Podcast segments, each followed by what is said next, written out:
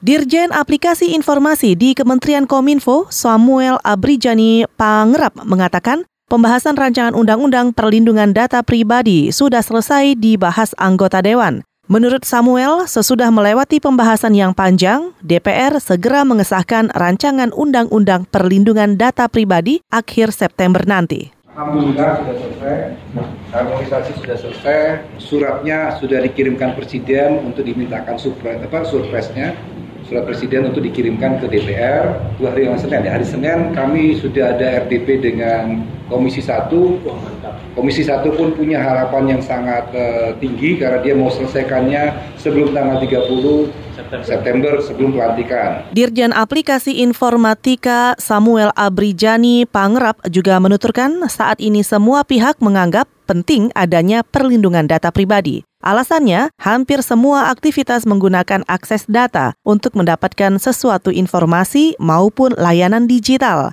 Samuel berharap tidak ada lagi alasan dari anggota dewan dan pemerintah menunda-nunda terbitnya Undang-Undang Perlindungan Data Pribadi.